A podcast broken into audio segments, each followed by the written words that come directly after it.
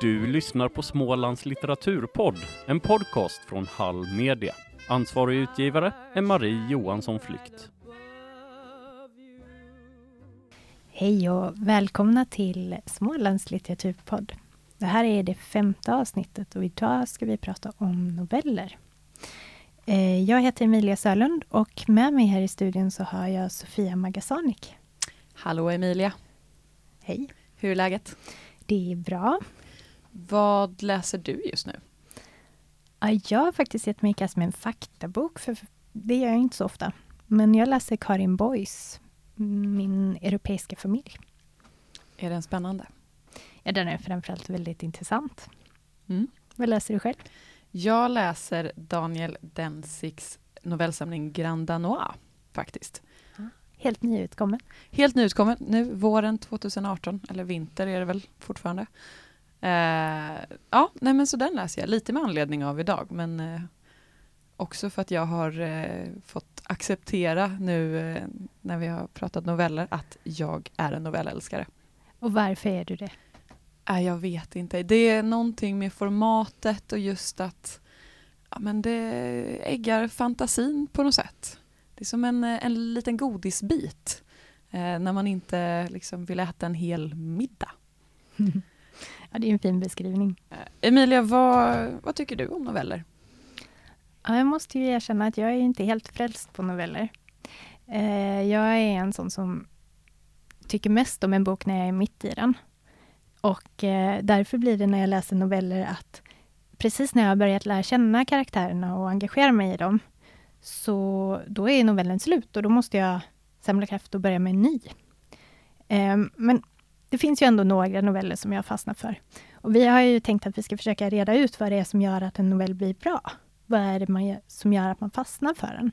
Och jag tänker att en sak är att eh, en, en bra novellförfattare lyckas använda varenda mening på ett betydelsefullt sätt. Alltså, det finns inte tid att ha några lösa trådar eller någonting som inte betyder någonting. Nej, man kanske inte kan sväva ut så mycket utan det måste ändå vara allt som händer eller alla detaljer måste på något sätt kan, ja, bära historien framåt. Ja, jag tänker på Alice Munro som fick som en av få novellförfattare som har fått Nobelpriset. Och hon beskrevs ju just eh, som en mästare på att göra det, att all, allting i novellen betyder någonting. Varje ord är genomtänkt. Mm. Vad, vad, vad, känner du? Vad, vad gör en novell bra för dig? Ja, men det är lite en fortsättning på det som du sa, men det handlar ju väldigt mycket om att en, en, eh, en novell och en novellförfattare måste ju på något sätt eh, måla upp bilder rätt snabbt. Eller, och då, då, kan man ju välja två saker. Antingen att man går den vägen som, där man beskriver detaljer eh, som då bär novellen och som, som bidrar liksom så att den går framåt. Eller placera novellen i en miljö som folk kanske redan känner till. Eh, och då, jag kommer att tänka på två noveller. Den ena är eh, Nikolaj Gogols Kappan, där då huvudkaraktären ränner runt i 1800-talets eh, Sankt Petersburg. Och man verkligen känner att det är liksom kallt in i märgen. Eh, och den andra är faktiskt en av novellerna i eh, Grand Danois som jag läser nu, som utspelar sig i Tokyo. Ja, jag tror egentligen bara att han beskriver att det är ett myller med människor och mycket neonljus och att han är i Tokyo. Och jag tror att de flesta av oss, de placerar direkt hur omgivningarna ser ut. Alltså om man lyckas hitta rätt detalj, mm. då kan man ju verkligen flyttas till den miljön mm. direkt. Ja, det blir som en liten kortfilm. Man springer runt där på gatorna bara för att man, man vet, man förstår känslan så snabbt.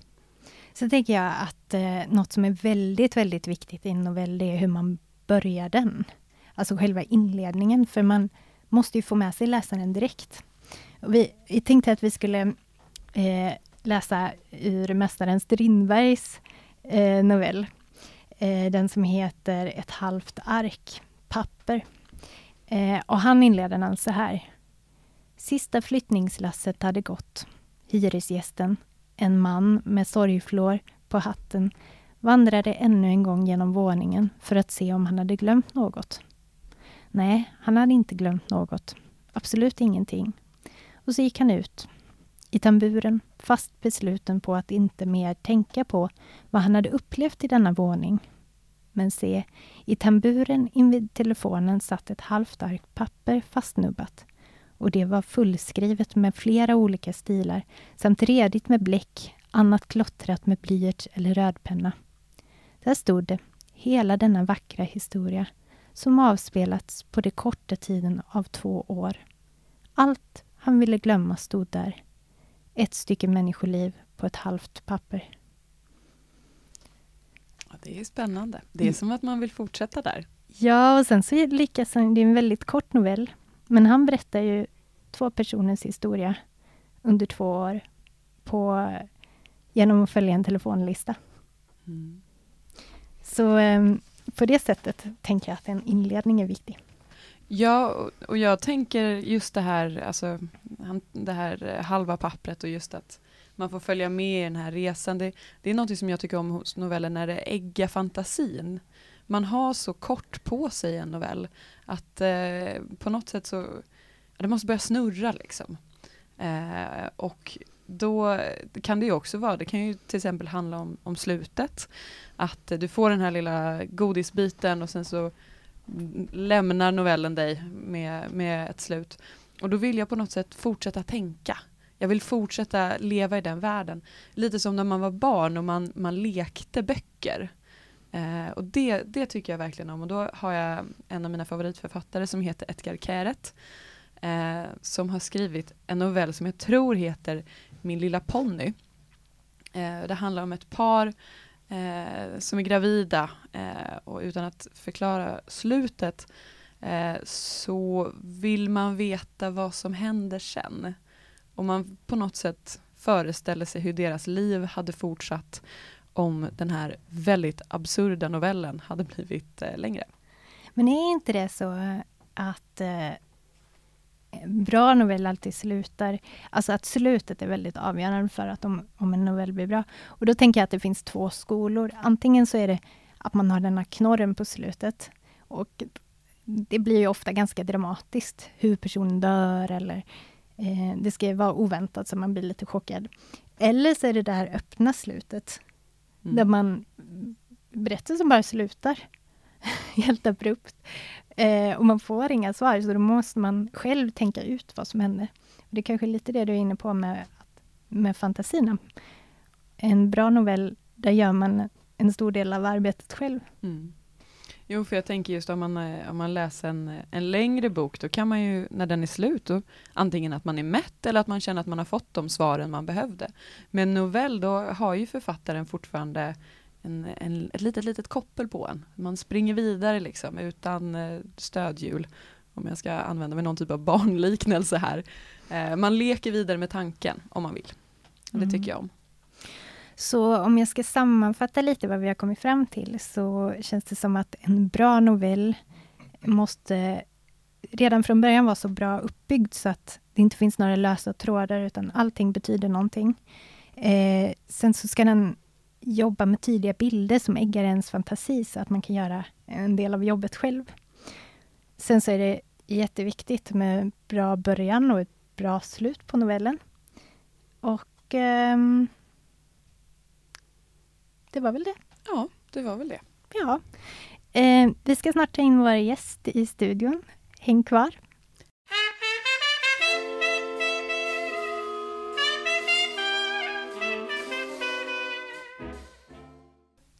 Då har vi kommit tillbaka här i studion och vi har med oss Jakob Sundberg som precis har debuterat med boken Vi hör av oss, som just är en novellsamling. Välkommen hit Jakob. Tack. Vad läser du just nu? Just nu, jag läser, brukar läsa flera olika böcker parallellt men jag läser just nu också en eh, icke, icke fiktiv eh, bok eh, om profeten Jeremia skriven av Peter Halldorf som heter Alla himlens fåglar har flytt. En 800 sidors tegelsten. Ingen busslektyr kanske? Nej, precis. Ingen busslektyr. Um, det låter så. som själva motsatsen till en novell. Det är motsatsen till en novell, precis. Det var väl, det var väl skönt att få kasta, ge sig i kast med något eh, lite mastigt så att säga. Men väldigt välskriven så att den är inte mastig i den bemärkelsen. Så säga. Du har ju precis kommit med en alldeles ny bok som handlar om, det är ett gäng noveller som handlar om anställningsintervjuer. Mm. Vad är bakgrunden till den boken? Ja, det är en fråga som jag fått några gånger och jag vet inte riktigt vad bakgrunden är egentligen. Jag ville skriva om människor och eh, lite grann om ambitioner och eh, identitet kanske i viss utsträckning, liksom hur man ser på sig själv och hur ens eh, självuppfattning kolliderar med andras uppfattning av en kanske. Eh, och då tänkte jag att ett novellformat är rimligt att, eh, att eh, ge sig i kast med nu under småbarnsåren när man inte har så många timmar till hands.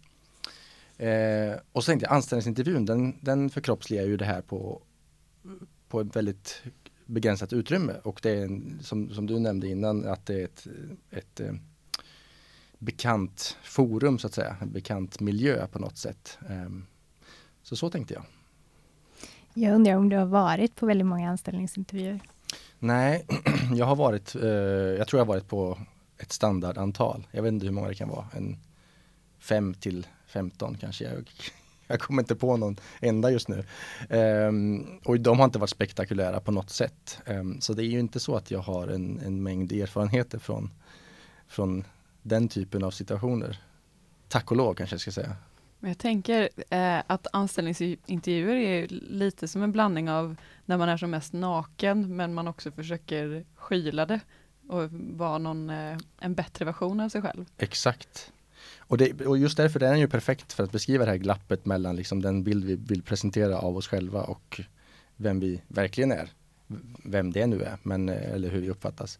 Och hur vi uppfattas av läsaren kanske då i det här fallet. Eh, läsaren kanske uppfattar sig på ett annat sätt än huvudkaraktärerna i den där boken många gånger. Alltså man känner ju igen väldigt många situationer när man läser den. Jag har varit på lite för många anställningsintervjuer tror jag. Okej, okay. eh, har... hur kommer det sig? Ja. jag tänker bara så du, du, har inte fått, okej. Okay. Ja. Journalister. Mm. Ja, just det. Ja. Men i alla fall så är det ju en väldigt det blir ju ofta absurda samtal och man kan ju mm. bli förvånad över sig själv vad man, hur mån man är av att vara den andra personen till lag, så säga mm. det som den vill höra, för man ja. har bara den ena chansen på sig. Precis, ja. Och det är ganska klyschigt ofta och eh, sådär, ja. Jo men så är det. Um.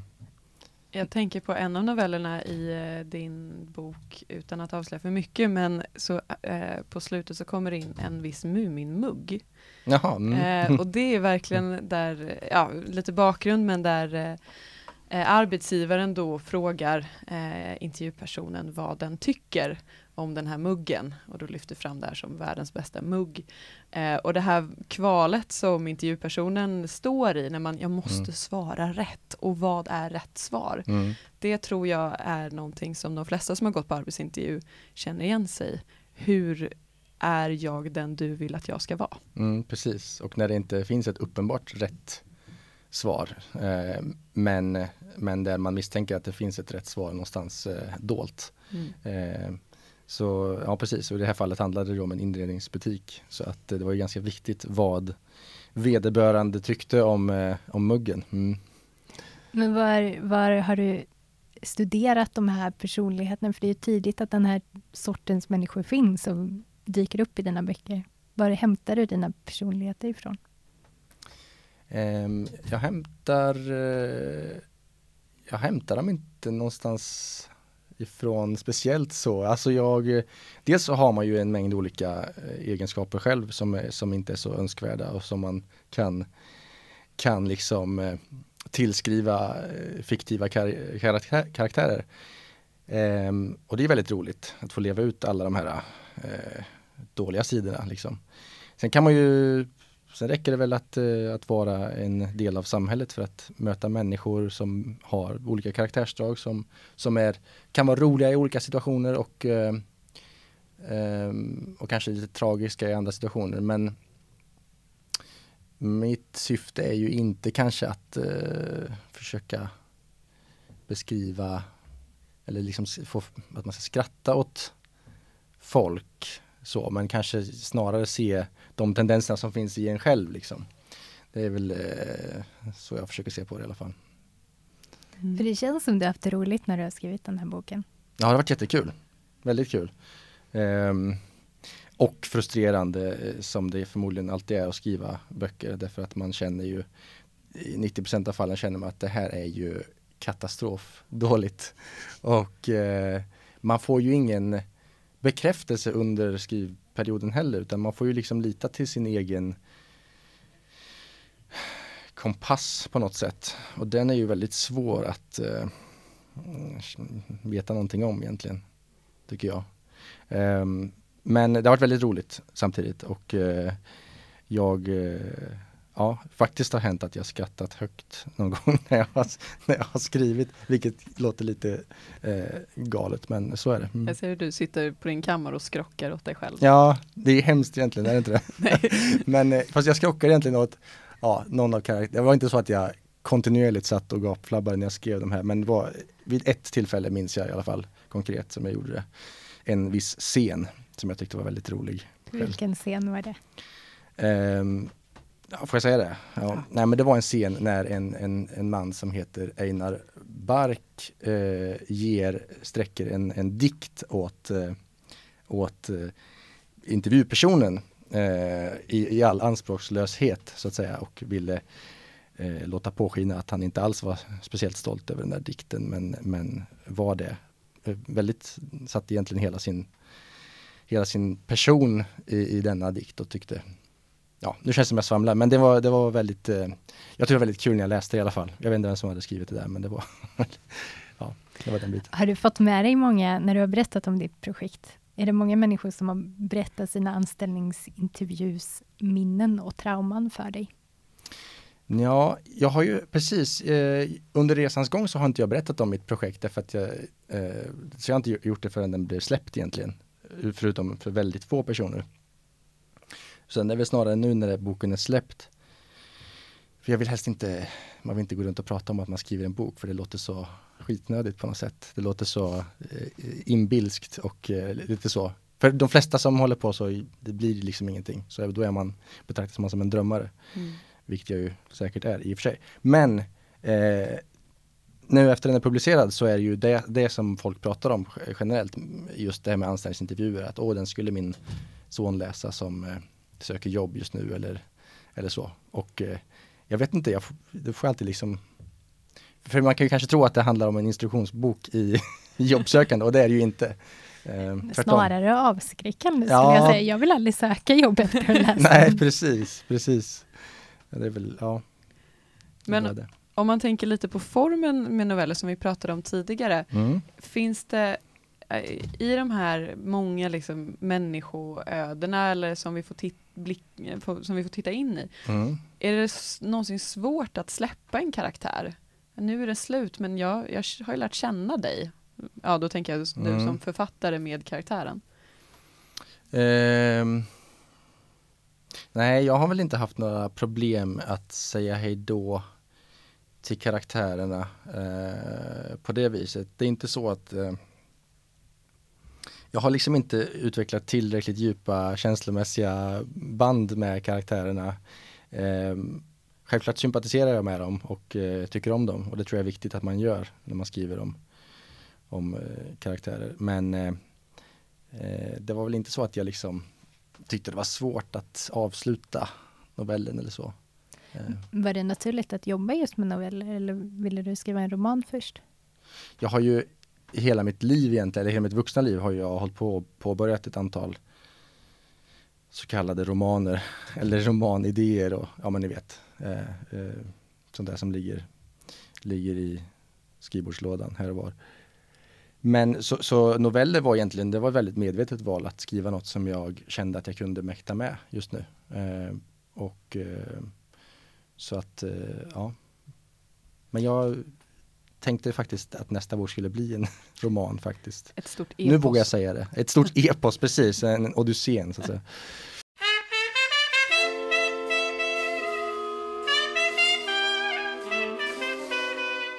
Men mm. vi pratade ju lite innan om vad som gör, vad som gör att en novell fångar en eller vad som gör den bra. Mm. Ha, vad tycker du ska till för att en novell blir riktigt bra? Ja, och den, den frågan eh, hörde jag ju innan här. Eh, och jag, jag har liksom aldrig reflekterat över det egentligen. Det är jättekonstigt. Och jag, har, jag tänker så ska jag vara någon slags, ska jag ha någon slags, något bra att säga om det egentligen? Och jag, det enda man kan säga generellt, tänker jag om, eh, och det kanske inte är just för novell, men att, att personen i fråga, dels kan man ju känna någonting, identifiera sig på något sätt med huvudpersonen. Och sen dels ska den här huvudpersonen vilja någonting. Och så får det gärna finnas någonting som hindrar dem från att få det. Det är väl typ det enda som jag, och det är ju en så här väldigt grundläggande, det lär man sig väl på, på någon slags eh, grundskolenivå kanske. Eh, men det, jag tror det funkar, det är applicerbart liksom. Eh. Absolut. Och det här med början och slut, var det någonting som du tänkte mycket på när du jobbade med dina noveller? Nej, det var det inte eh, så mycket. Det blev väl att jag fick jobba lite med sluten så att säga. Jag hade egentligen, när jag skrev, började skriva om det så, så hade jag inget händelseförlopp överhuvudtaget uttänkt. Jag hade bara en, en person liksom i åtanke. Och, och sen försökte jag hitta då en, en, en ram för, eh, eller så typ ett, ett yrke eller en, en roll som den personen sökte. Men eh, handlingen liksom lät jag egentligen bara bli som den blev. Så jag och sen förstod jag ju på något sätt, någonting måste ju hända liksom så att i slutet att det blir någon form av, ja men kanske vändning och sådär utan att det blir för utan att det blir för cirkusmässigt liksom och, och så. Um, så jag fick nog jobba lite extra med, med sluten i, i vissa fall. Hur, um, du sa att nu funderar du på att skriva en roman nästa gång. Har Mm. du börjat med ditt nästa projekt? Ja, jag har börjat. Med det sagt så är det som att jag aldrig har tid riktigt att ta tag i det. Men jag har påbörjat det och eh, försöker eh, söka med ljus och lykta efter fler timmar att kunna genomföra det projektet på. Mm. Vi ska börja runda av, men jag tänkte att vi skulle avsluta med att ge lite novelltips till läsarna. Mm. Känner du att du vill börja, Sofia? Eh, absolut. Hur många får jag ge? Bara ett. Bara ett? Ja, okej. Eh, nej, som jag sa, jag är, har ju insett nu eh, att jag är en stor novellälskare. Men finns det en som jag vill eh, lyfta fram av så väldigt många anledningar så är det Janne Tellers eh, novell Om det var krig i Norden. Eh, och det är ju en, en fiktiv historia då där det är krig i Sverige och de måste fly. Eh, Det, det, är en, det är en väldigt aktuell bok eh, och jag vet att det finns vissa skolor som delar ut den här men jag tror att den är aktuell för alla åldrar. Den är väldigt fint utformad också så det är verkligen någonting som man kan njuta av. Den ser ut som ett litet pass här i din hand. Mm, precis, vi kan, vi kan ta en bild av den här och lägga upp den på vår Instagram eh, så folk får se den. Men det är en väldigt fin och väldigt, väldigt viktig liten bok. Vad säger du då, Jakob Sundberg? Vad är ditt bästa novelltips? Och du får inte ta din egen bok. Får jag inte göra det? Okej, då har jag inget att säga. Nej, då. Nej men jag, eh, jag visste att ni skulle fråga det här och då igår då när jag tänkte på det här, jag har inte läst så fruktansvärt många noveller. Men och så tänkte jag på vilka författare har jag läst noveller av? Och eh, tre av dem har ni redan nämnt, av de som jag kom på då. Det var Gogol, eh, Munro och eh, Strindberg. Men jag, eh, men en annan, en novellsamling som jag skulle kunna tipsa om, eh, som egentligen tror jag kanske är, den står hemma i min bokhylla, eller ligger i min väska just nu faktiskt, eh, är Isaac B. Singers eh, berättelser från den gamla och nya världen. Jag tror att det kanske inte är så han Jag tror det är en samling som har gjorts efter att eh, Ja, vad ska man säga? Det är en, en kompilation. Eller vad säger man? Mm. Eh, men, men där finns det väldigt mycket bra noveller tycker jag. De är, de är eh, ganska skitiga och eh, han skriver på ett sätt som är väldigt eh, Ja men det är livet liksom. I all sin brustenhet och eh, hemskhet och ändå med mm, på något sätt en, eh, med ljusa övertoner. Så det gillar jag. Jag kan tyvärr inte peka ut någon specifik novell för att jag liksom, jag läser den där i, i eh, rakt igenom på något sätt och känner att jag, det allting flyter ihop. Så jag minns inte, jag kan inte peka ut någon exakt novell. Men däremot så näsan som du har där med Google är ju väldigt eh, intressant och kappan nämnde du också. Det är ju fantastiskt. Ja, Då har vi fått med oss flera novelltips här och jag tänker också slänga in ett. Eh, den väldigt unga författaren David Moseni som har skrivit en eh, berättelse om sin flykt från, eh, från först från Afghanistan och sen till Iran och till slut via Medelhavet och en fruktansvärd eh, vandring över bergen till Sverige. Och den boken lyckades på med väldigt i ett väldigt kort omfång få mig att förstå hur det, vad det faktiskt är för upplevelser som många av dem som flyr hit har med sig. Så det blir mitt tips. Eh, jag vill tacka er för att ni kom hit och var med i Smålands litteraturpodd. Och till de som lyssnar så säger jag, lyssna gärna med oss nästa gång också. Ha det gott! Tack! Tack!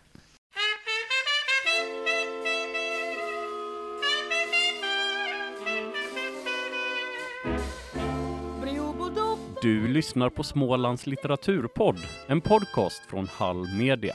Ansvarig utgivare är Marie Johansson Flykt.